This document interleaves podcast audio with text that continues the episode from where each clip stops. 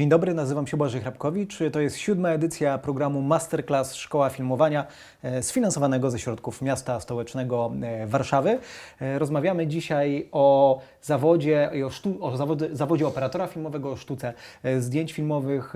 Naszym gościem jest Michał Rytel-Przełomiec, operator i laureat Nagrody imienia Jana Machulskiego ostatniej edycji za zdjęcia do filmu Sztangista. Cześć Michał, witam Cię Cześć, bardzo cześć, bardzo mi miło. Powiedz, jaką szkołę kończyłeś? E, Wydział Radia i Telewizji. Wydział. Radia i Telewizji w Katowicach. E, na, w, zacząłbym może od y, Twojego doświadczenia właśnie w, e, w szkole, skoro mamy tutaj właśnie nasz program edukacyjny, e, jak widać. I na czym, czego głównie się w szkole nauczyłeś jako operator filmowy? Chciałbym e, móc powiedzieć, że szkoła nauczyła mnie warsztatu, techniki, ale, ale tak nie jest. To znaczy, mo, można szkołę przejść rzeczywiście e, będąc bardzo zapracowanym i robiąc bardzo dużo, a można szkołę przebimbać i w zasadzie e, nie, nie, nie robiąc nic skończyć ją. Szkoła oczywiście to jest kontakt z, z twórcami, z profesorami. E, akurat ja miałem szczęście, e, w, ja byłem w, na roku profesora Ramlała, ale, ale e, uczył nas profesor Dziworski, m, świetny dokumentalista, w zasadzie już w tej chwili operator legenda takiego kina, trochę eksperyment, eksperymentalnego lat 70. i 80. Em, Ale myślę, że szkoła to jest przede wszystkim jakieś takie mm, e, zapoznanie się przede wszystkim z tym, czym jest film. E, Oczywiście e, najwięcej jednak uczymy się na, w, w praktyce, czyli podczas warsztatów przeróżnych. E, I to zawsze był taki impuls. Mieliśmy parę razy na roku warsztaty i to zawsze pamiętam, to był taki, e, takie objawienie, coś tam się działo, jakiś przyjeżdżał sprzęt, którego w szkole nie mieliśmy. E, prze- Przecież świetne, świetne warsztaty z Tomkiem Augustynkiem, świetnym operatorem, który, który rzeczywiście pierwszy raz przywiózł nam jakiś, jakąś kamerę porządną światło i dla nas to było niesamowite, że po prostu takie rzeczy można robić, bo nie mieliśmy tego na co dzień. Myślę, że przede wszystkim to, to znaczy dużo rozmów, oglądanie filmów, w zasadzie oglądanie, oglądanie, oglądanie jeszcze raz oglądanie. I taki, taka analiza warsztatu y, podczas tego oglądania. Czyli jakbyś miał na przykład e, e, młodym, początkującym operatorom albo ludziom, czy operatorką, albo ludziom, którzy chcą zająć się e, tym zawodem, jakbyś miał im doradzić, co jest najlepszą szkołą, to oprócz jakby tych studiów takich e, e, mm, właściwych, to byłoby to, jak rozumiem, po prostu oglądanie dużej ilości filmów, interesowanie się tym i też kontakt z e, mistrzami fachu. Tak, znaczy żyjemy w czasach, w których w zasadzie w internecie można znaleźć już wszystko. Jak ja studiowałem, to, to tak łatwo nie było. Więc teraz y, każdy film ma jakiś backstage swój. Gdzieś ten backstage można znaleźć, można obejrzeć making of. I, I ktoś, kto jest ciekaw warsztatu, bo rzadko się o tym mówi, ale nas akurat tego uczono, że sztuka operatorska to jest przede wszystkim warsztat operatorski. To jest, to jest rzemiosło. Od tego się zaczyna. To są takie twarde umiejętności. Trzeba wiedzieć, jak ustawić światło, jak to światło działa, jakie są zasady. E, oczywiście poza wrażliwością i, i, i czymś, co, co jest powiedzmy tą iskierką, e, talentem, e, no to jest przede wszystkim warsztat. To jest tak jak malarz. No musi się najpierw nauczyć używać pędzla, mieszania farb, i dopiero później może e, namalować dzieło. Podobnie jest e, z zawodem operatora filmowego. Trzeba mieć warsztat po prostu e, i oglądać, oglądać, analizować, starać się podejrzeć, z której strony światło pada, jak to jest możliwe, że, że akurat mamy taki efekt, jak kamera się porusza, jak ten język filmu właśnie w postaci ruchu, jak ta narracja wygląda. Patrzeć na to czysto technicznie. Ja pamiętam, że w szkole był taki moment, że ja już nie mogłem oglądać filmów, bo ja każdy film analizowałem. To znaczy, już, już nie czerpałem z tego przyjemności, więc trzeba sobie w którymś momencie zrobić reset. Ale, ale to wydaje mi się, że to jest najlepsza szkoła. E, więc e, w dzisiejszych czasach to można znaleźć e, wszędzie. Najlepiej może znaleźć taki złoty środek, żeby, bo ja, ja mówiąc z punktu widzenia krytyka filmowego, by- znalazłem, zawsze miałem taką umiejętność oglądania filmów, czerpania z tego przyjemności, a jednocześnie analizowania ich i myślenia o tym, jak to, To jest, jest- zainscenizowane, jak to jest zrobione, w jaki sposób aktorzy się poruszają w kadrze i tak dalej. No to ja, ja, ja niestety nie miałem tego, tego talentu, ale, ale no oczywiście już teraz to, to, to, trochę już jestem na, na, trochę już pracuję jako operator, więc już teraz jest mi dużo łatwiej. Jestem w stanie oddzielić to. Też nawet mam co, co, coś takiego czasem, że siadam obejrzeć film, żeby się zrelaksować i wtedy po prostu nie, nie patrzę na nic innego poza tym, że delektuję się e, sztuką filmową. E, No ale czasem jak jest jakieś dzieło, które dostało Oscara albo dostało jakieś nagrody filmowe, no to patrzę na to pod kątem pracy operatora filmowego rzeczywiście. No tak, dużo można się pewnie nauczyć e, e, oglądając e, te filmy. E, wracając jeszcze na chwilę do tego rzemiosła, o którym powiedziałeś, że jednak to jest bardzo istotne i tego najpierw trzeba się nauczyć. Czyli jeśli dobrze zrozumiałem też Twoją wypowiedź o szkole, to Ty się tego rzemiosła nauczyłeś właśnie głównie podczas warsztatów, zajęć praktycznych. No i jakie jest jeszcze znaczenie, jakby druga część tego pytania, jakie jest znaczenie później już samej pracy na planie takiej edukacyjnej? Że najlepszą szkołą zawsze jest praktyka. To, to n- nie da się tego przeskoczyć. Więc y, na studiach siłą rzeczy tej praktyki jest trochę mniej, no bo, bo, bo, bo jesteśmy na studiach, uczymy się.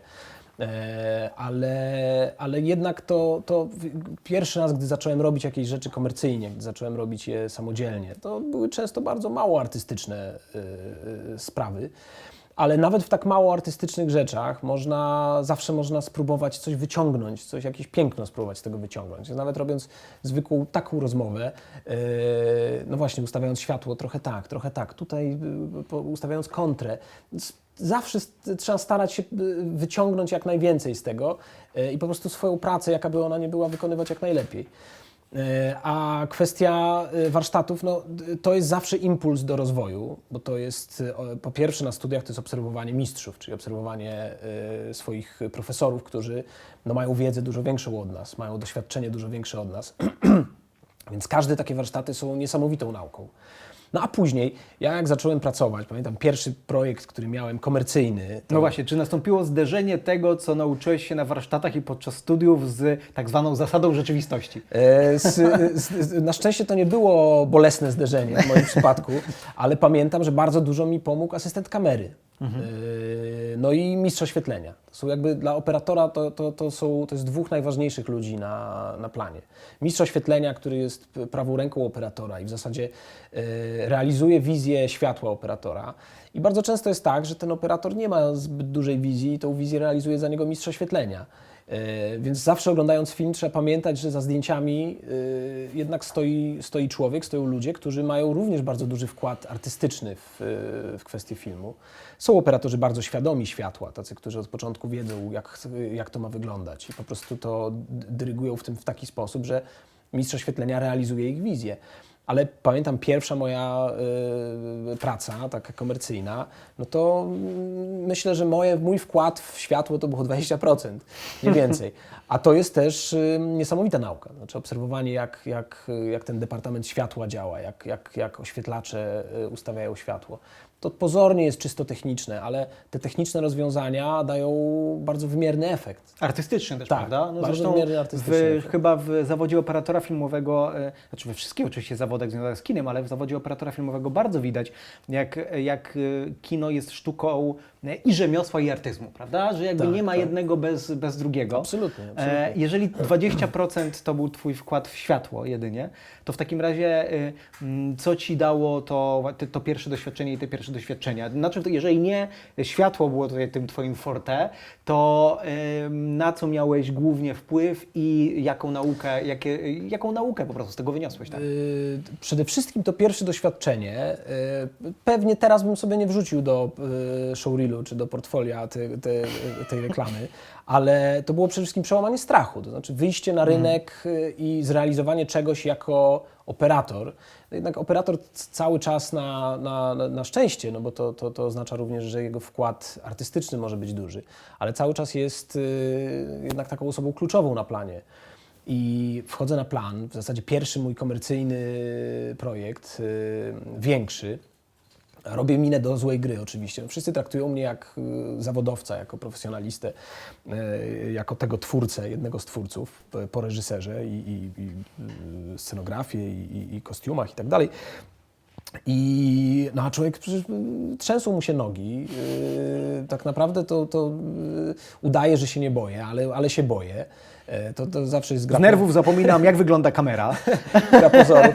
Nie, na szczęście tak się nie, tak się, tak się nie dzieje. No, jeżeli się, właśnie, to jest zawsze kwestia warsztatu, że to jest tak jak z pamięcią mięśniową u sportowców. To znaczy, jeżeli coś się wyćwiczy, to no, choćbyśmy się spalali, to jednak pewne nawyki zostają, więc Jednak to, jeżeli siedzimy przy kamerze, coś tam wiemy, to to, to zawsze zostanie. Y, Ale myślę, że to, to, to pierwsze doświadczenie dla mnie to było przełamanie strachu. To znaczy czegoś takiego, że tremy. Y, I to, to, to była największa lekcja. To znaczy ja po, tym, po tej pierwszej dosyć, dosyć dużej komercyjnej rzeczy przestałem się bać. Znaczy, wiadomo, zawsze człowiek się ma tremę, zawsze jak wchodzi na, na, na plan, to y, tylko to już nie jest trema u doświadczonego filmowca, to już nie jest trema wynikająca z tego, czy dam sobie radę, czy, czy będę pamiętał, jak sprzęt działa i tak dalej. To już zupełnie innego rodzaju. No ale wtedy taka była właśnie. Czy, czy, czy ja będę wiedział, jak ta kamera, bo to była w ogóle to były pierwszy raz wszedł Red One, czyli to była kamera cyfrowa, taka poważna kamera cyfrowa. E, A jak łatwo się domyśleć, my w szkole jeszcze wtedy pracowaliśmy na taśmie filmowej przede wszystkim, więc dla mnie to też była nowość. No ale to y, trema przede wszystkim. Y, op- op- operator, ponieważ to jest zawód techniczny, to operator powinien Reżyser może sobie pozwolić na, na to podejście artystyczne, na, na takie eksperymentowanie, y, zastanawianie się z aktorem, jak pociągnąć tą postać, jak ona powinna zagrać. A operator jest takim buforem bezpieczeństwa, jeśli chodzi o technologię. To znaczy, y, jeżeli on to źle, na, źle sfilmuje, to choćby nie wiadomo, jak dobry był aktor, jak dobra byłaby reżyseria, y, no to niestety to będzie źle wyglądało. E, Pewnie są wyjątki, ale raczej zazwyczaj tak jest. Więc operator musi być tym, który zawsze jest w stanie podjąć decyzję, który się nie waha. E, Ja pamiętam jeden z profesorów, taka zasada, którą on nam zawsze mówił, słuchajcie, lepsza jest zła decyzja niż żadna. To znaczy film jest, film wymaga y, y, szybkości pracy bardzo często. Jest mało czasu, mało dni zdjęciowych, trzeba zrobić jak najwięcej scen. I nie można się Napięty wahać. budżet. Napię... To wszystko za... wynika z napiętego budżetu No tak, właśnie. oczywiście. Byłby większy budżet, Jest byłoby to, więcej jest to droga sztuka po prostu. Jest to droga sztuka, więc e, operator musi podejmować decyzje cza- często w kryzysowych sytuacjach. I, no i to ja myślę, że to praktyka tego uczy przede wszystkim. Powiedziałeś przed chwilą coś, co jest wydaje mi się taką dosyć mocną tezą, jednoznaczną, że operator to jest zawód głównie techniczny. E, I że właśnie ty, operator e, ma dbać o to, żeby to wszystko technicznie jakby było dopracowane, żeby rzeczywiście, rozumiem, żeby dać taki fundament reżyserowi, aktorom, aktorkom, reżyserkom, żeby e, tę pracę artystyczną wykonali. Czy rzeczywiście twoim zdaniem operator nie jest artystą? No i właśnie, to jest dobre pytanie, bo gdzie jest ta granica między technologią a sztuką? W kinie chyba jest właśnie bardzo cienka. No właśnie, płynna. więc ja, ja uważam, że każdy operator może być artystą Mhm. I że bardzo często e, wznosi się ponad warsztat. I, i rzeczywiście e, uży, wykorzystując, używając warsztatu, robi rzecz, która jest sztuką. Absolutnie. Natomiast musi być przede wszystkim rzemieślnikiem. I to dobrym. Jeżeli będzie dobrym rzemieślnikiem, to jest w stanie wznieść się na ten poziom sztuki i być artystą. E, tak uważam. I jeżeli to się udaje operatorom, a bardzo często się udaje, to, no to wspaniale. To, to jest już, to, to, to, jest najpiękniejsza rzecz w tym zawodzie, bardzo technicznym zawodzie. Mhm, Ale też y, mam wrażenie, że można o wielu zawodach w kinie tak powiedzieć. To znaczy, można równie dobrze o reżyserze też tak powiedzieć, w tym sensie, że reżyser może po prostu dobrze wykonać swoją pracę, być też dobrym rzemieślnikiem, e, o po prostu e, opowiedzieć bardzo dobrze pewną historię za pomocą środków filmowych.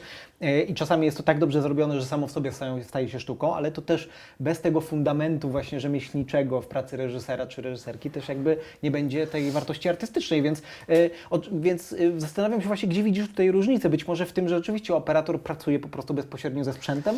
Tak, znaczy y, wydaje mi się, że jednak jest różnica. To znaczy y, zawód, zawód reżysera jest, y, o, oczywiście reżyser musi mieć umiejętności y, y, praktyczne, znaczy on musi wiedzieć, musi znać warsztat y, aktorski, to znaczy musi wiedzieć jak pracować z aktorem. Ale Dobrze, to- jakby co nieco wiedział też pewnie o kamerach i tak Yy, dalej, prawda? Z tym różnie bywa. Aha. Różnie bywa. Z, po- poznałem y, y, re- reżyserów, którzy mają bardzo dużą świadomość techniczną, technologiczną. Wiedzą, jakich obiektywów użyć, wiedzą, y, co osiągną, używając takich środków technicznych, czysto technicznych. Ale znam też wielu, którzy nie zwracają na to uwagi, zostawiają to operatorowi. Jakby bardziej idą w tą kwestię jakiejś ekspresji aktorskiej, yy, tego świata, powiedzmy, y, symbolicznego w filmie i tak dalej. Więc y, wydaje mi się, że zawód reżysera jest bardziej artystyczny jednak y, od zawodu operatora. Operator posługuje się technologią, znaczy po prostu jakby ten, to, to, co, to, co wchodzi w zakres warsztatu operatorskiego, to przecież nie jest tylko kamera, nie jest tylko światło, to jest też ruch kamery. Znaczy, operator musi wiedzieć, jakich środków y, ma użyć, żeby osiągnąć pewien cel, czyli czy to jest kram, czy to jest wózek, steadicam, cokolwiek. Mm, Ale to są decyzje techniczne. I, I teraz te decyzje techniczne y, przekładają się na, y, na decyzje artystyczne, również reżysera. Mhm. Ta, czyli ta bezpośrednia styczność po prostu z technologią tutaj jakby jest, e, jest też decydująca, prawda, dla Tak. Ciebie, że po prostu Ty jako operator no jakby pracujesz z tą kamerą, tak, i po prostu e, masz, e, to, to, to jakby w Twojej pracy jest kwestia właśnie doboru obiektywów, filtra, wyboru ruchu kamery, który tak, żeby po prostu to technicznie dobrze wyglądało. Tak, tak, tak. To jest praca e, operatora, ale jak wspomniałem, znam reżyserów, którzy mają bardzo dużą świadomość tych narzędzi i już na etapie pracy e, przy przygotowaniach e, do filmu, oni już wiedzą mniej więcej, jakich środków chcą użyć. I to jest zawsze praca partnerska, bo to jest dyskusja. y, Bardzo często ta dyskusja jest taka, słuchaj, a jeżeli użyjemy na przykład kranu tutaj, to, to czy to jest dobry pomysł? Albo jeżeli weźmiemy, wiesz, użyjemy tylko obiektywów szerokich, y, bo one nam dadzą jakąś takie, y, jakby ten, ten środek wyrazu, który, który, który chciałbym, żeby był. Więc y, bardzo często, i, i to jest tak naprawdę, mm, to jest najprzyjemniejsza praca z reżyserem, który zna technologię, bo rozmawia się z nim y, jak z drugim operatorem często, czyli, czyli, y, czyli nie musimy sobie wszystkiego wyjaśniać. Już mamy jakby ten, ten, tą podstawę mamy za sobą i możemy Komunikacja przebiega sprawnie. tak, i możemy rozmawiać już na, ty, na, na, na tym poziomie właśnie czysto artystycznym, czyli, czyli po prostu jaki efekt chcemy osiągnąć. Bo to wszystko sprowadza się do tego, to znaczy wszystkie te środki techniczne, e, one są po to, żeby zrealizować wizję scenariusza, znaczy żeby dostosowujemy je do, do, do historii, którą chcemy opowiedzieć. Mm, Więc one za każdym razem mogą być zupełnie inne.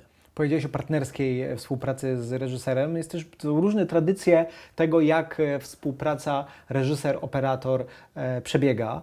E, mamy tę tradycję polską, jeszcze wywiedzioną z Polskiej Szkoły Filmowej, prawda, gdzie mie- mieliśmy takich operatorów jak Jerzy Wójcik czy Jerzy Lipman, którzy właściwie bardzo często byli drugą najważniejszą osobą po reżyserze, prawda, jeśli chodzi o kształt artystyczny filmu. Mamy tę tradycję amerykańską, która jest trochę bardziej sprofesjonalizowana w tym sensie, że reżyser dowodzi, operator raczej wykonuje jakby te y, y, polecenia, chociaż oczywiście to też nie zawsze tak działa i trzeba pamiętać o różnych niuansach. Ale z Twojego doświadczenia e, em, pracy y, właśnie dotychczasowej, jak to w, tym momencie współcześnie zazwyczaj w Polsce e, wygląda? Bardzo różnie. E, bardzo różnie. Zazwyczaj z polskimi e, reżyserami pracuje się e, w taki sposób, że ten podział ról jest dosyć e, e, konkretny. To znaczy, operator jest odpowiedzialny za kwestię wizualną filmu, reżyser jest odpowiedzialny za, za całą resztę, to znaczy za prowadzenie aktora, za, za historię i tak dalej.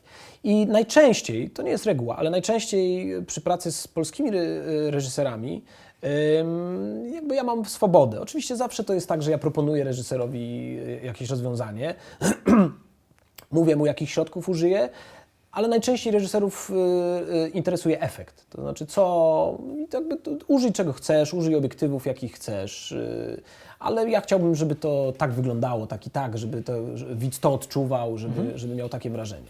Więc wciąż to jest, zresztą no w, tych, w naszych szkołach cały czas tak się uczy, że, że to jest, ten podział jest dokładnie taki jak w szkole, w szkole polskiej, szkole filmowej. Natomiast no, świat się zmienia. Tylko, więc- że ten podział ról właśnie daje dużą wolność operatorowi, ten, o którym teraz mówisz, prawda? Tak, Czyli tak, coś, no, czego na, coś, co jest dużo rzadsze w tym amerykańskim systemie. Mm, owszem, tak jest. Rzeczywiście to jest duża swoboda. Natomiast ja sobie zawsze dużo bardziej cenię y, jednak próbę y, wymyślenia jakiejś narracji, y, czyli rozmawiania z reżyserem na poziomie y, wymyślenia języka filmowego. Czy mamy historię, którą chcemy opowiedzieć? Ona jest. Ona, ona wymaga bardzo konkretnych rozwiązań, nie tylko technologicznych, ale również artystycznych. I y, na przykład mi nie przeszkadza, jeżeli reżyser powie, że on chciałby użyć takich obiektywów. Czyli gdzieś tam zabiera mi tą moją swobodę y, wyboru, ale, ale jeżeli on wie, że to jest dobre, jeżeli ja, jeżeli ja widzę, że, że, że on wie, o czym mówi, to to dla mnie nie jest odebranie żadnej y, swobody, bo, no bo ja cały czas traktuję, staram się zawsze traktować reżysera jako partnera, z którym y, to jest trochę tak, że y, ja to zawsze takiego używam porównania, że reżyser jest kapitanem, a, a, operator jest pierwszym oficerem na statku. I Oby, to się, oby nie skończyło się to konfliktem jak w tym, jak w karmazynowym przepływie, nie wiem, czy pamiętasz ten film. Denzel Washington, Gene Hackman, No, kapitan, z- pierwszy oficer, bunt. jeszcze jest bunt na bounty, jeszcze E, jest... tak, tak. Te relacje kapitan, pierwszy oficer, jak uczy nas kino, nie zawsze są e, takie bardzo zgodne. E, Wydaje mi, się, wydaje mi się, że tutaj często wchodzi, e, to jest oczywiście domorosła psychologia i nie chcę, żeby to był jakiś dogmat, ale wydaje mi się, że bardzo często to jest kwestia e, ambicji operatora, bo to raczej rzadko działa w drugą stronę. Znaczy to, to, ponieważ reżyser już ma jakąś pozycję na planie, więc to raczej jest tak, że to operator próbuje tą pozycję e, zdobyć albo, albo troszkę obniżyć pozycję reżysera, jeżeli dochodzi do takich sytuacji. E, A bardzo często operatorzy mają też, że. Znaczy, wynika to trochę z tego, jak, jest, jak wygląda nasza szkoła w, w Polsce. Nie wiem, czy tak ta nadal jest. Ja, szko, ja szkołę skończyłem parę ładnych lat temu. Wiem, że, wiem, że teraz bardzo, bardzo dużo się zmienia e, w kwestii edukacji filmowej. Natomiast ja pamiętam, że no, trochę mieli op- operatorzy takie poczucie, że no, my wiemy trochę więcej od reżyserów. Znaczy, że my tak, nie dość, że wiemy, że mamy tą ich wiedzę, którą oni mają, wynikającą z historii kina, z, z jakiejś takiej analizy filmów, Tu jeszcze wiemy, co to jest szeroki obiekt. to jeszcze wiemy, co to jest szeroki obiektyw. Ja bardzo często pamiętam, że, że, że operatorzy potrafią, ja, ja nie byłem wyjątkiem, e, mieć takie, patrzeć trochę na tych reżyserów e, Protekcjonalnie. e, protekcjonalnie w szkole, że tak, nie, no co oni tam wiedzą o tym, to my dopiero zrobimy to kino. Oczywiście no, życie, życie uczy, że jest, że jest inaczej. E, Ja nigdy nie miałem ambicji e, opowiadania historii na takim poziomie, na jakim, e, opera, jakim reżyser chciałby to robić.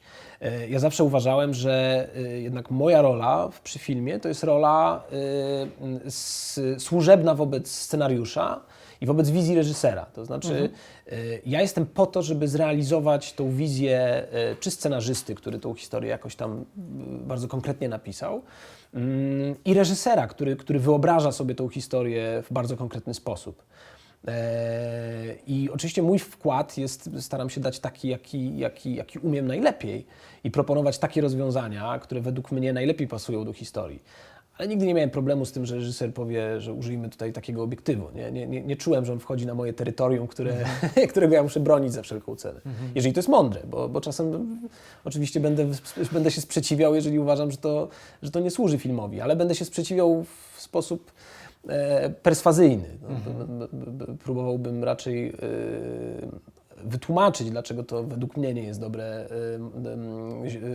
e, dobre narzędzie, a nie dlatego, że ja tak uważam i koniec, kropka. A pracowałeś do tej pory z takimi reżyserami, którzy naprawdę jakby całą stronę wizualną tak naprawdę mieli już ułożoną w głowie i skomponowali ją sami. W sensie, wiesz, ja mówię nawet o takiej, mówię teraz o takich, o takich już czysto wizualnych rzeczach, jak na przykład po prostu kompozycja kadru, tak? To jak aktorzy mają stać, to jak i ten, i że reżyser ma to po prostu już, ma taki storyboard w głowie Tak, tak, i ty tak. po prostu go wykonujesz. Tak, z, z Dimą przy sztangiście.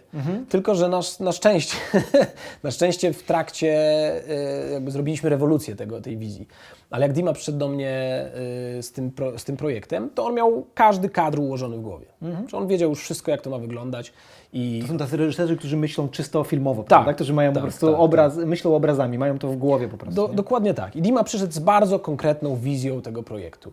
E, ale ponieważ pracowaliśmy na początku przez trzy tygodnie e, nad stroną jakby ty, ty, czysto teoretycznie, siedzieliśmy, rozmawialiśmy o tym filmie. Była z nami jeszcze em, Olga e, Która była e, początkowo scenografem e, do tego filmu. Zresztą ona zrobiła trzy świetne filmy z Dworcewojem. Więc ona była jego scenografem. I przez trzy tygodnie, ja nigdy wcześniej nie pracowałem w taki sposób. To, to w ogóle uważam, że to jest fantastyczne. To jest ta szkoła wschodnia. I przez trzy tygodnie pracowaliśmy nad scenariuszem. Znaczy siedzieliśmy i od rana do wieczora, yy, scena po scenie, myśleliśmy, jak ten scenariusz yy, rozpisać.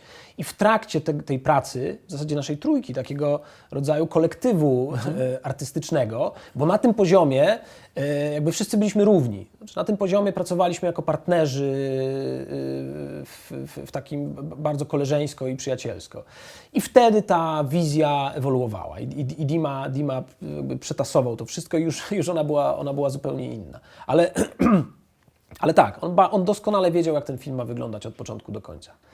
E, więc są tacy reżyserzy, e, ale no to był pierwszy raz, kiedy spotkałem się. Oczywiście nie mówię o kwestiach e, komercyjnych, no bo przy reklamie też jest wizja, ale to nie jest wizja ani operatora, ani reżysera, tylko to jest wizja gdzieś tam e, klienta. O, i właściwie to też jest bardzo ciekawy wątek, tak? No bo jeżeli je- mówimy właśnie o, jesteśmy w programie Szkoła Filmowania, to to filmowanie może być bardzo różne.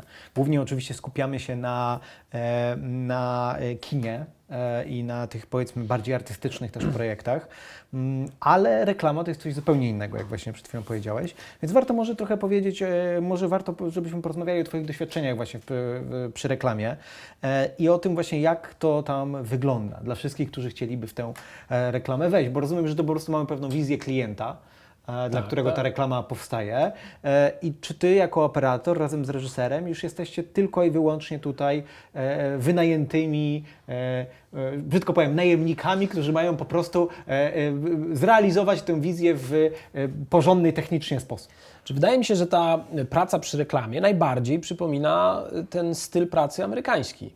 Czy jest producent, który ma y, do zrealizowania jakiś film, w tym przypadku to jest film reklamowy, tym producentem jest y, klient, znaczy producentem, no jest tym, który, który wykłada pieniądze na to, żeby to zrealizować.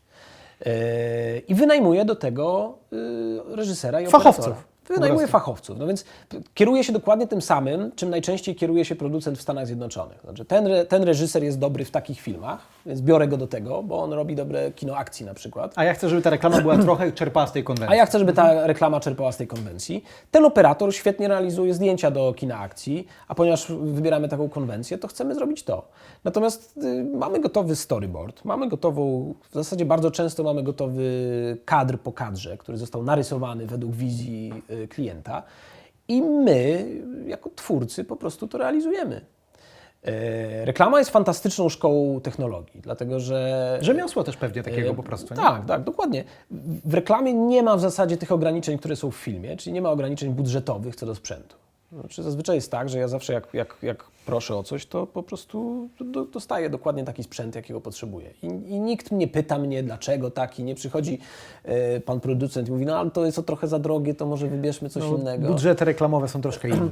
Zwłaszcza jeżeli robi się reklamy dla dużych firm na przykład. Tak, prawda? tak, tak, oczywiście. I z, I z rozmachem to ma być, to ma, to ma, Mhm. ma być widać te pieniądze najczęściej. E, więc to jest świetne. Natomiast mm, w reklamie nie ma za grosz y, twórczości. y, Są owszem takie reklamy autorskie, które robią najwięksi. No tak, no są, mamy reklamy Davida Lyncha, Davida Finchera, Oczywiście, znamy tak, tych tak, reżyserów, tak, którzy tak. nawet, e, czy Ridley Scott, którzy na, zawsze mieli, jak robili reklamy, to mieli swój autorski pomysł na reklamę, ale to podejrzewam, że trzeba być właśnie też reżyserem Ridleyem o Scottem, takiej, czy- tak, trzeba być reżyserem Tak, e, tak. Takiej, o takiej sławie i takiej pozycji, prawda? Dokładnie tak. Więc e, reklama jest świetna do, do, do rozbudowy warsztatu, do, do poznania technologii, do nabrania doświadczenia, ale no jeżeli ktoś chce pracować twórczo, to, no to nie, nie odnajdzie się w reklamie. To, to, to, to jest raczej sposób na, na zarabianie pieniędzy, yy, no i na nauczenie się warsztatu, ale nie na coś, co, co, co chcemy ambicjonalnie realizować. A czy dla wykształconego operatora, e, albo po prostu operatora, który zna bardzo dobrze warsztat, który jest dobrym rzemieślnikiem, to jest, e, może to złe słowo, ale, z- ale, ale z braku lepszego użyję, to jest łatwa praca, w sensie takim, że jakby, e, że jeżeli, jeżeli masz po prostu wyuczone rzemiosło, to bez problemu sobie poradzisz. Reklama? Tak. Tak, wydaje mi się, że tak. Reklama wymaga, reklama wymaga twardych umiejętności, doświadczenia. Ja bardzo lubię reklamę z tego powodu. Znaczy ona jest, yy, e, oczywiście, no, nie, człowiek nie zrealizuje tam swojej wizji artystycznej, ale, yy, ale to jest, to jest w zasadzie reklama zawsze najmniej stresu mnie kosztowała. To znaczy, No właśnie tak to sobie, tak wynikało z Twojego opisu właśnie pracy przy reklamie. no, no właśnie, jak, jak już, już na którymś etapie, znaczy na, na, etapie, na którym ja już byłem pewny, pe- pewny siebie, już, Mhm. już znałem narzędzia, wiedziałem jak ich użyć, to, to na reklamie w zasadzie człowiek, bardzo często na reklamie, yy, yy, może nie odpoczywałem, ale dużo mniej się stresowałem niż przy dokumencie który ma teoretycznie yy, nie ma takiej odpowiedzialności, bo nie ma takich pieniędzy za tym, nie ma, ale on wymaga dużo więcej yy, intuicji, dużo więcej czegoś, co, co, yy, co jednak sprawia, że człowiek nie jest pewien tego, jaki będzie następny kadr, co się następnego wydarzy. A w reklamie to wszystko jest poukładane. Wiesz, na czym stoisz po prostu. Przychodzisz na plan, na tym masz rozpisane, odkreślasz tylko kolejne e, ujęcia, które zostały zrobione, wiesz ile ci zostało, nie ma wątpliwości. Zazwyczaj nie trwa to też długo. Te, te reklama ma zazwyczaj ile? Dwa dni zdjęciowe? E, No maksymalnie tak, no, chyba, że to są duże projekty. No tak. Ale to, to zazwyczaj jest tak, że po prostu doskonale wiesz, wszystko masz to, czego potrzebujesz, nie martwisz się, nie stresujesz się jak przy fabule, czy my na pewno zrobiliśmy wszystkie ujęcia, które, które są potrzebne. No, mamy tą wizję, ale Żeby przy montażu się nie okazało, no właśnie, że brakuje. czegoś, tak? czegoś brakuje, że coś jest za mało. E, więc tak, no reklama jest, reklama jest, jeśli chodzi o, o, o- o, zawód techniczny, o tak to techniczne podejście, to jest, to jest dosyć łatwa rzecz. Wspomniałeś o dokumencie. E, I rzeczywiście y, w swojej dotychczasowej, na swojej dotychczasowej drodze twórczo-rzemieślniczej, że tak połączę te dwa aspekty, zrobiłeś i filmy fabularne, i filmy dokumentalne. Co y, z Twojego punktu widzenia, jaka jest główna różnica dla operatora między dokumentem a fabułą? Trochę już chyba zacząłeś o tym mówić w kontekście dokumentu, że, że, że nie wiesz, jakie będzie następne e, ujęcie, ale może rozwijmy ten temat.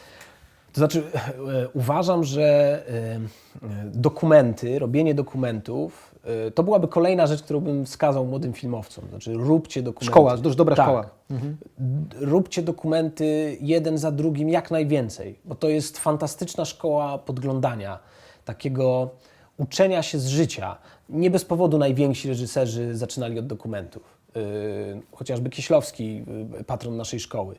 To jest fantastyczna szkoła, trochę mniej rzemiosła tym razem, a chociaż też oczywiście, ale to jest fantastyczna szkoła y, psychologii człowieka, to znaczy tego podglądania, trochę właśnie y, rozwijania intuicji, która jest również bardzo potrzebna. Y, I no, dokument to jest, to jest bardzo wymagający gatunek filmu, bo no właśnie to, znaczy nie, y, raz, że nie jesteśmy pewni tego, co się wydarzy, trzeba być cały czas czujnym, trzeba cały czas obserwować, trzeba być bardzo dobrym obserwatorem.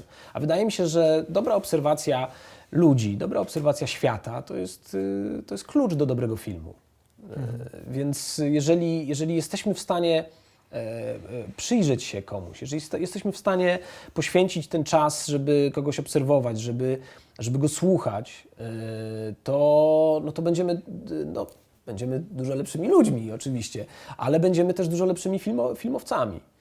E, I to jest chyba najlepsza szkoła. To znaczy, dokument to jest taka szkoła najbardziej pierwotna, taka najbardziej e, dzika, jeśli chodzi o film. E, no zależy też jaki dokument oczywiście, ale, ale jeżeli to nie jest dokument kreacyjny, to, to, to, to i tylko taki tradycyjny dokument, obserwowanie, to to jest, to jest znakomita szkoła do, do, do, do, do kina fabularnego. To też zresztą pewnie w jakiś sposób rzemiosło może uczyć, albo może uczyć tego, jak ważne jest rzemiosło, bo podejrzewam, że żeby, że to też wymaga, dokument też może wymagać elastyczności, jakby Tak, dostosowywania tak, tak. się do Oczywiście. rzeczywistości, a mając dobre rzemiosło, gdzieś tę tak zwaną nieświadomą kompetencję, no jesteś w stanie bardzo szybko się dostosować, prawda? I, te, i bardzo szybko na przykład e, e, zmienić e, coś pod kątem technicznym. To jest też y, kwestia szybkich decyzji, bo bardzo często dokument wymaga właśnie to, o czym wspomniałem, y, że, że często operator musi podjąć jakąś decyzję. Jest kryzysowa sytuacja, coś się dzieje, nie wiem, słońce się zmienia, światło y, i tak dalej, i trzeba, trzeba podjąć decyzję. I dokument idealnie tego uczy. To, to, jest, to jest świetna szkoła y, tego, że trzeba dostosować się do bohatera. To nie, to nie aktor dostosowuje się do fabuły, tylko to filmowcy dostosowują się do tego, co się w tej chwili dzieje na, na teraz, tu i teraz, po prostu przed nami. E, No więc tak, tak, tak, wszystko to, o czym mówisz, plus rzeczywiście ta decyzyjność, to znaczy, że, że trzeba umieć podejmować decyzje. Mhm. Oczywiście na planie filmu fabularnego z aktorami pracuje głównie reżyser, mm, ale em, trochę nawiązując do tego, co powiedziałeś o e, dokumencie jako nauce e, psychologii człowieka, że można e, złapać taką intuicję właśnie na bazie obserwowania ludzi, no, prawdziwych ludzi, tak? nie postaci, nie bohaterów w dokumencie. Czy to się później przydaje w, z Twojego punktu widzenia operatorowi na planie filmu fabularnego, kiedy filmuje aktorów? Bo oczywiście reżyser prowadzi aktorów, ale Ty jednak patrzysz na nich kamerą, tak? I jakby też musi Ci zależeć na tym, żeby wyłapać w ich grze kamerą to, co jest najistotniejsze. Oczywiście, że tak. To znaczy w ogóle obserwowanie świata, który nas otacza, tego jak, jak, jak pracuje światło, w życiu. Jak y, idziemy ulicą i widzimy, że coś się odbija, że jest, idziemy ciemną uliczką, ale słońce jest gdzieś tam za dachami, odbija się w jednym oknie i pada na nas. I raptem widzimy, że to jakoś, jakiś niesamowity efekt y, się z tego rodzi, że to, że to wygląda pięknie. E, Więc wszystkie takie zjawiska są bardzo przydatne później w pracy operatora.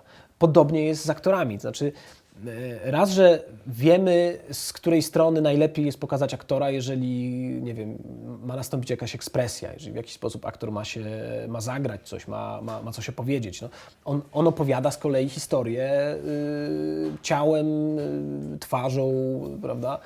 Więc oczywiście to bardzo się przydaje w kwestiach oświetlenia aktora, tego jak, jak aktora pokazać, jak, y, jak ustawić kadr, z której strony, pod jakim kątem.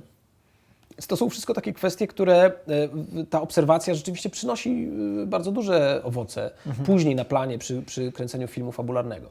Nawet jeżeli to jest film taki bardzo, powiedzmy, klasyczny i tam nie, to nie jest podglądanie takie e, reżyserskie czy dokumentalne, że, że tam gdzieś próbujemy tego aktora wychwycić, no, e, czyli ta kamera jest taka ruszająca się, miotająca się. Nie, mamy kamerę na wózku, ten ruch jest taki bardzo statyczny, zaplanowany, to i tak to, jak ustawimy tego aktora, to czy on będzie bliżej kamery, czy będzie trochę dalej, to jakich obiektywów użyjemy, to wszystko ma wpływ, ogromny wpływ na odbiór y, przez widza. Znaczy, jak, jak widz odczyta y, grę aktora. A powiedz, e, dlaczego właściwie e, ta sztuka właśnie operatorska Cię e, zainteresowała i czy, i czy masz na przykład jakichś mistrzów takich e, sztuki operatorskiej, że po prostu były, te, czy był taki moment, kiedy oglądałeś filmy, e, jeszcze przed studiami na przykład i pomyślałeś sobie, jak to jest, że ten obraz powstał w tej kamerze? Co tutaj się wydarzyło? No, no, oczywiście, no, Vittorio Storaro, Roger Deakins, no, to, są tacy, to są takie ikony, które no, ja myślę, że każdego z moich kolegów czy koleżanek zapytać o nich, no to wszyscy powiedzą, no tak, tak, to są, to są wielcy operatorzy. Storaro to jeden z tych operatorów, który zawsze powtarza, e, zafascynowanych malarstwem, prawda? Tak, który zawsze tak. powtarza, jak bardzo sztuka zdjęć filmowych jest pokrewna e, malarstwu. Z malarstwem. Ym, tak, tak, oczywiście, zwłaszcza z malarstwem, takim malarstwem obserwacyjnym. Znaczy, dlaczego ci wszyscy holenderscy mistrzowie y, są tak chętnie przez filmowców wykorzystywani? Zresztą, No tak. y, bo oni pokazują, to były takie... y, Rembrandt na przykład i tak no dalej, tak, tak? bo to były zaobserwowane sytuacje. Nawet jeżeli one były później w warsztacie odtworzone, to były za, zaobserwowane sytuacje. I to jest trochę jak z tym dokumentem. Znaczy, to, co zaobserwujemy w dokumencie, możemy później przełożyć na film fabularny. Eee, No tak, to były te nazwiska, które mnie fascynowały, których, yy, których filmy oglądałem. Eee, Arkadiusz Konji, to pamiętam yy, moją fascynację miastem zaginionych dzieci, czy Delikatesen. To były takie filmy, które pamiętam oglądało się, ja się kręcę, jaka to jest robota operatorska, co tam jest, jak ten świat został wykreowany. Ale z czasem właśnie zacząłem myśleć o tym, jak ten świat został wykreowany. Znaczy, że zaczęli być w, w, w moim, y, w moim postrzeganiu najle, najlepszymi, zaczęli być ci operatorzy, którzy potrafili najlepiej dostosować y, tą kreację do scenariusza. I wydaje mi się, cały czas mam takie poczucie, że jakby rolą operatora jest stworzenie świata, który będzie najlepiej pasował do scenariusza. Że, że to jest zadanie operatora, że, że y, trzeba stworzyć ten świat w świetle, w ruchu kamery, w użyciu obiektywu, tak, żeby on najlepiej pasował do, do tego, co reżyser i, co, i co, co reżyser chciałby pokazać, co scenariusz opisuje. Więc w tej chwili nie mam, naj, nie mam, nie mam już, w, trochę wyrosłem z, tego, z tej fascynacji poszczególnymi operatorami, a, a zaczynam obserwować to po prostu jako sztukę y, dostosowywania narzędzi do opowiedzenia historii. I zaczynam cenić coraz bardziej te filmy, nie te, które są takie mm, y, a, a, a, atrakcyjne wizualnie często, e, w których no, są takie filmy, że wyciągamy klatkę, można spokojnie ją wydrukować, powiesić, powiesić na sobie na ścianie, ścianie, tak, tak. patrzeć w tą klatkę i Jezu, jakie to jest zdjęcie wspaniałe. Ale wydaje mi się, że... Tylko, że film to nie fotografia. No tak? właśnie, i wydaje mi się, że nie tu jest, nie, nie, nie to jest droga i, i trochę przestałem się zachwycać tymi wspaniałymi zdjęciami bardzo często, a zaczynam się, zaczynam się zachwycać filmem jako całością, to znaczy tego, czy to wszystko jest razem ze sobą spięte, czy to, czy to do siebie pasuje. I i, I co- coraz częściej rozmawialiśmy chwilę przez, o tym warsztacie, to znaczy o tym, że, mm, że, że, że obserwuje się ten warsztat operatorski. E, coraz częściej doceniam takie filmy, które po prostu są jedną całością i ja już nie analizuję tego oglądając film, nie analizuję, gdzie to światło jest, jak to kamera się rusza, tylko po prostu obserwuję to jako i oglądam to jako dzieło sztuki, jako spójną, spójną rzecz.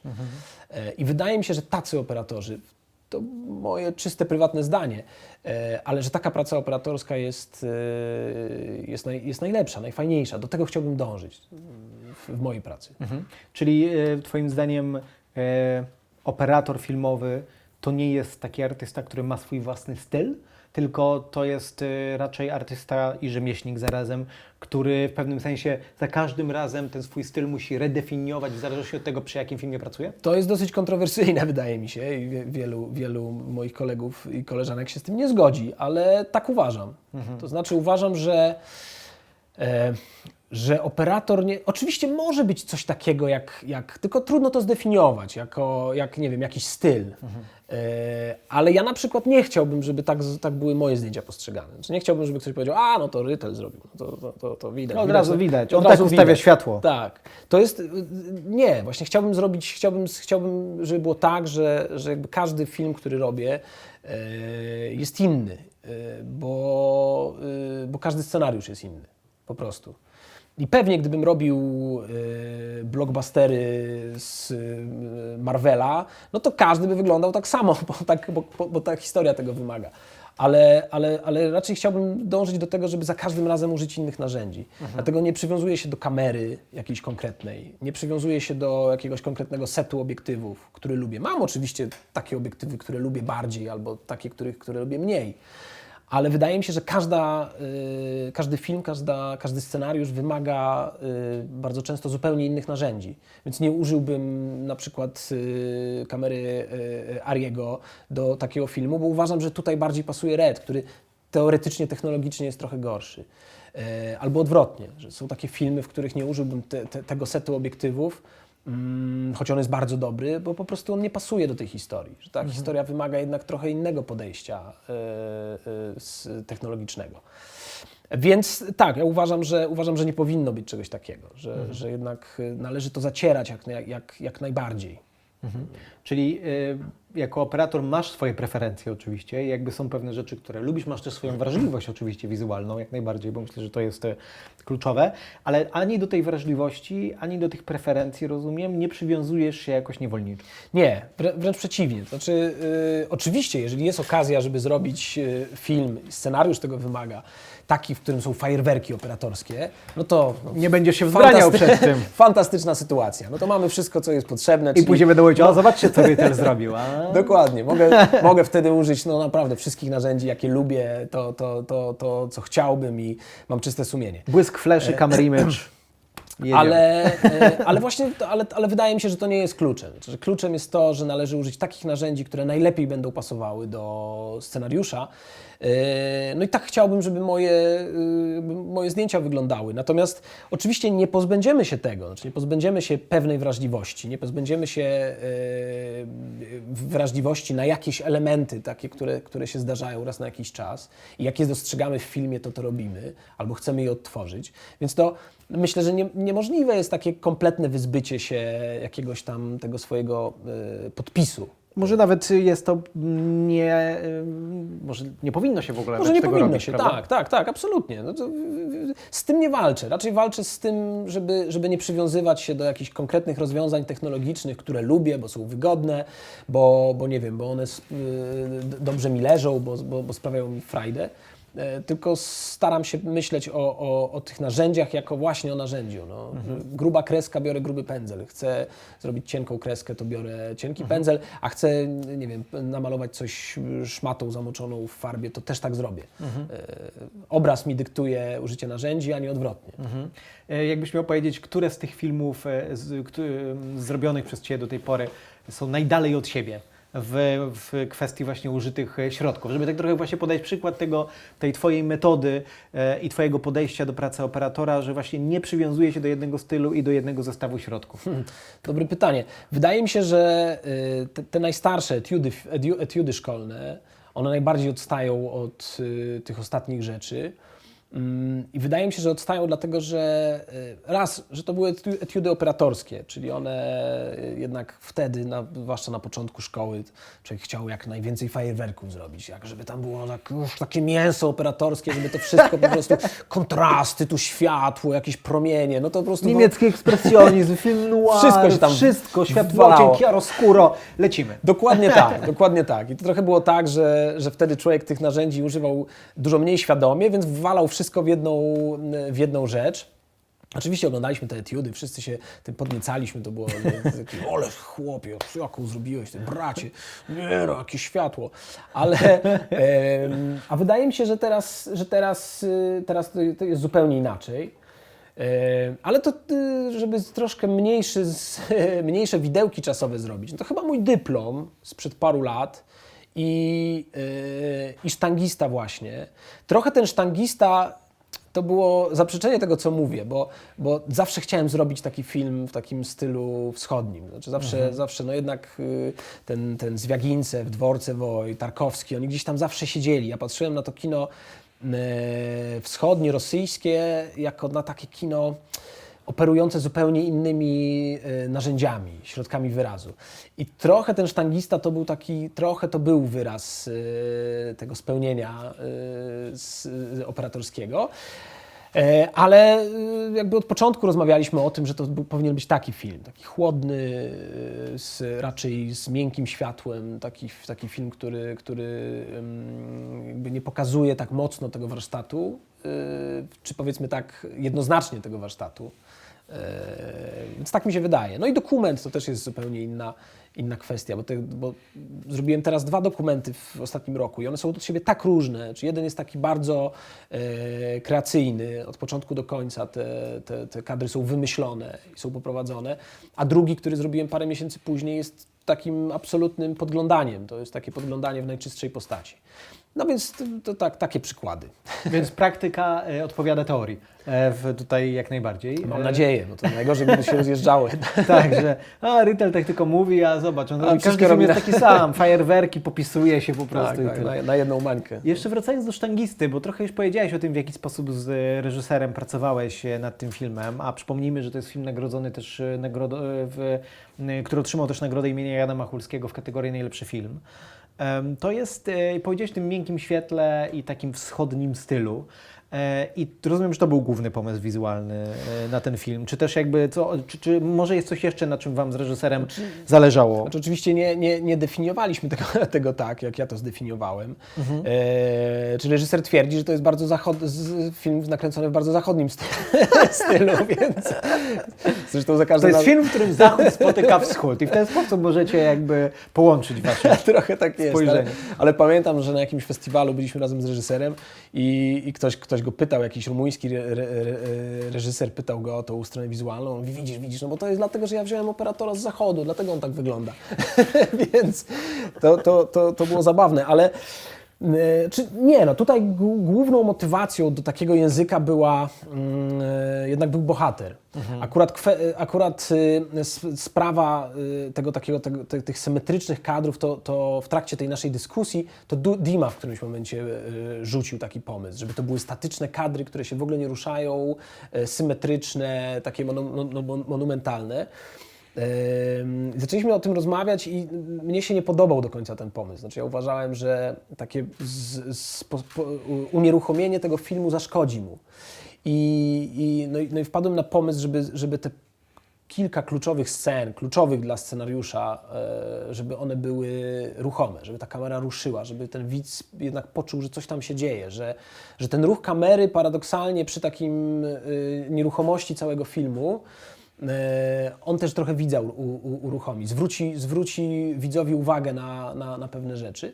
Ale od początku trzeba było zachować taki jednak ten styl, że nawet ten ruch powinien być minimalny, że to powinno być coś, czego na początku widz nie zauważy. Dopiero po jakimś czasie się może zorientować, że o, coś się zmieniło, jakoś ten kadr jednak e, coś tam się, coś tam się przestawiło. Akurat tutaj miałem to szczęście, że to był scenariusz, który wymagał takiego, takiego języka. To znaczy ten bohater, bohater wymagał takiego spojrzenia na niego, i to, że to wszystko jest takie chłodne, to, że jest takie mm, statyczne, ten sport jest taki, to znaczy to są, to są wielcy y, mężczyźni. Dima nawet używał słowa bestie, czyli po prostu mamy bestię, musimy pokazać tą bestię, która jest taką e, figurą, taką rzeźbą, która tam się po, po, pojawia. Zresztą to jest też taki właśnie sport statyczny, Tak. prawda? To znaczy, no bo to sport w ogóle w kinie to jest osobna kwestia, bo e, wiele, wie, wielu twórców się na tym wykłada, tak?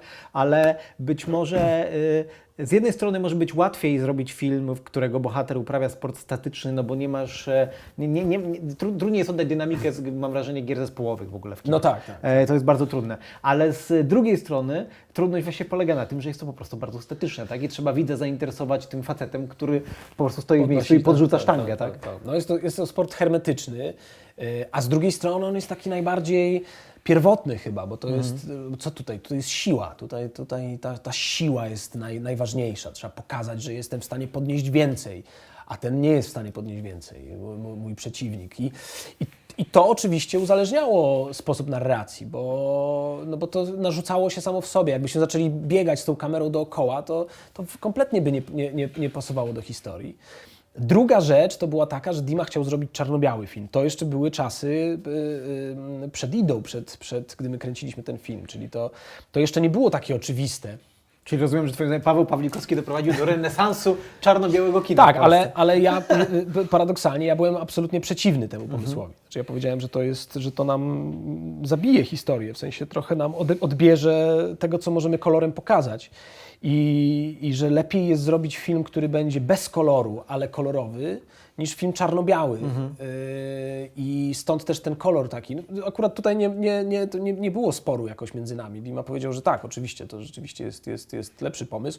E, Olga, która, która wtedy na tym etapie filmu była z nami, y, też absolutnie była, była tego samego zdania, więc, e, więc chcieliśmy zrobić film, który będzie statyczny, ale nie będzie nieruchomy i który będzie y, y, nie chcę powiedzieć czarno-biały, ale będzie bez koloru, jednocześnie używając kolorów.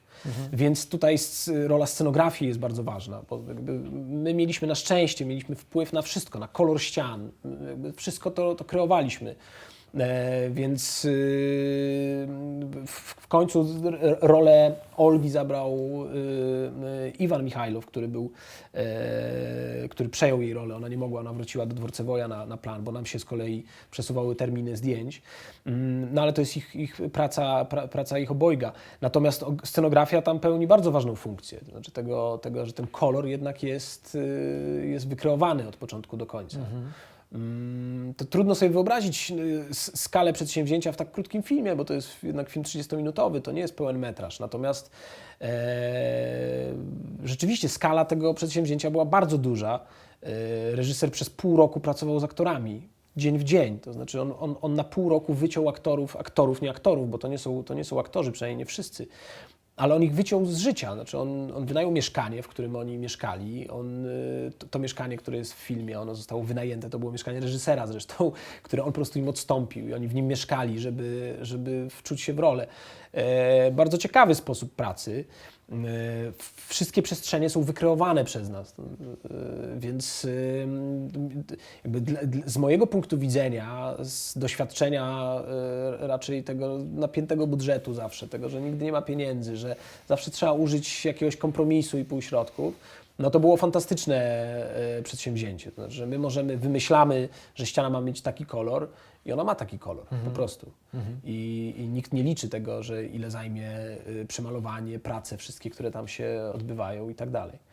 Najczęściej mówi się o współpracy na linii operator-reżyser, ale wspomniałeś o scenografii e, i to jest chyba też absolutnie kluczowa oś komunikacji współpracy przy kręceniu filmu z punktu widzenia operatora, prawda? Współpr- czy operatorki, współpraca ze e, scenografem po prostu. No bez tego chyba też nie ma, e, bez, dob- bez dobrej współpracy na tej, na tej osi no nie ma filmu. Znaczy, można również jeszcze do tego dołączyć y, kostiumy. No tak. Które, które myślę o tej sferze wizualnej, no bo oczywiście y, twórców w filmie jest, y, jest tak, wielu, tak, którzy, mają, którzy mają ogromny wkład. E, muzyka, dźwięk i tak dalej. Montaż oczywiście. Nie, e, montaż oczywiście, więc nie, jakby nie chcę odbierać absolutnie tutaj roli, roli tych twórców, która jest olbrzymia. Natomiast jakby z mojej perspektywy, czyli z perspektywy wizualnej, no to jest oczywiście scenograf i, i kostiumy, bo, e, bo tym kreujemy mm, świat, który tam, który tam jest. Czyli jeżeli chcemy zrobić świat szary, bez koloru, bezbarwny, no to musimy i przebrać aktorów w odpowiedni sposób. I bo przecież strój bardzo dużo mówi o człowieku. I musimy w przestrzeń jakąś włożyć tego, e, tego aktora, w której on jest, przebywa. On się musi w niej czuć swobodnie. Ona musi e, zgadzać się z tą e, kreacją, którą on, nad którą pracuje, którą on prób- próbuje pokazać.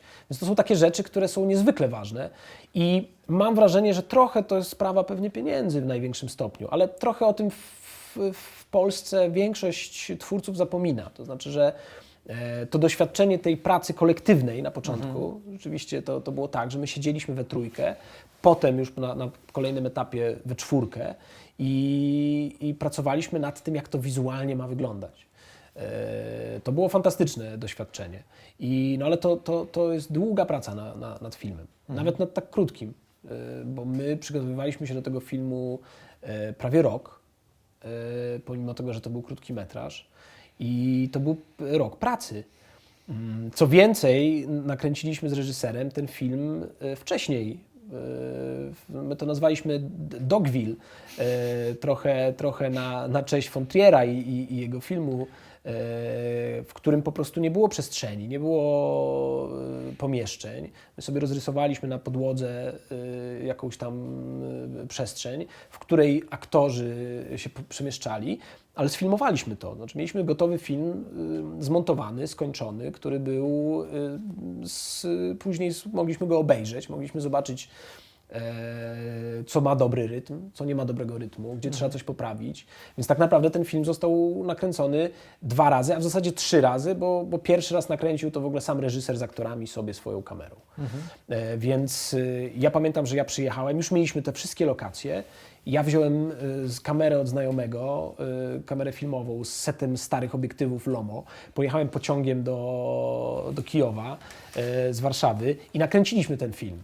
Redem z, z obiektywami. Przejechaliśmy wszystkie lokacje, które, które mieliśmy do przejechania. Tylko zamiast aktorów y, jakby albo my byliśmy, albo byliśmy, mieliśmy jakiś, jak, jak- jakichś statystów, którzy nam stali w tych miejscach, poruszali się i wiedzieliśmy, czy coś wizualnie działa, czy nie. Mm, Jak wróciliśmy na plan filmowy, to ja już wiedziałem, gdzie ma stać statyw, wiedziałem, jakiego obiektywu chcę użyć do tego i już tylko wsadzaliśmy w tą przestrzeń aktorów i, i, i już oni mogli grać. Ale nieczęsto zdarza się taki komfort pracy. Dodajmy raz jeszcze na koniec, że Sztangista to jest film, który dostał nagrodę imienia Jana Machulskiego w kategorii najlepszy film, a nasz gość Michał Rytel-Przełomiec nagroda za najlepsze zdjęcia do e, tego filmu. Dziękuję Ci bardzo za tę rozmowę. Dziękuję bardzo. Dziękuję Państwu i zapraszam do oglądania innych rozmów z cyklu Masterclass Szkoła Filmowania.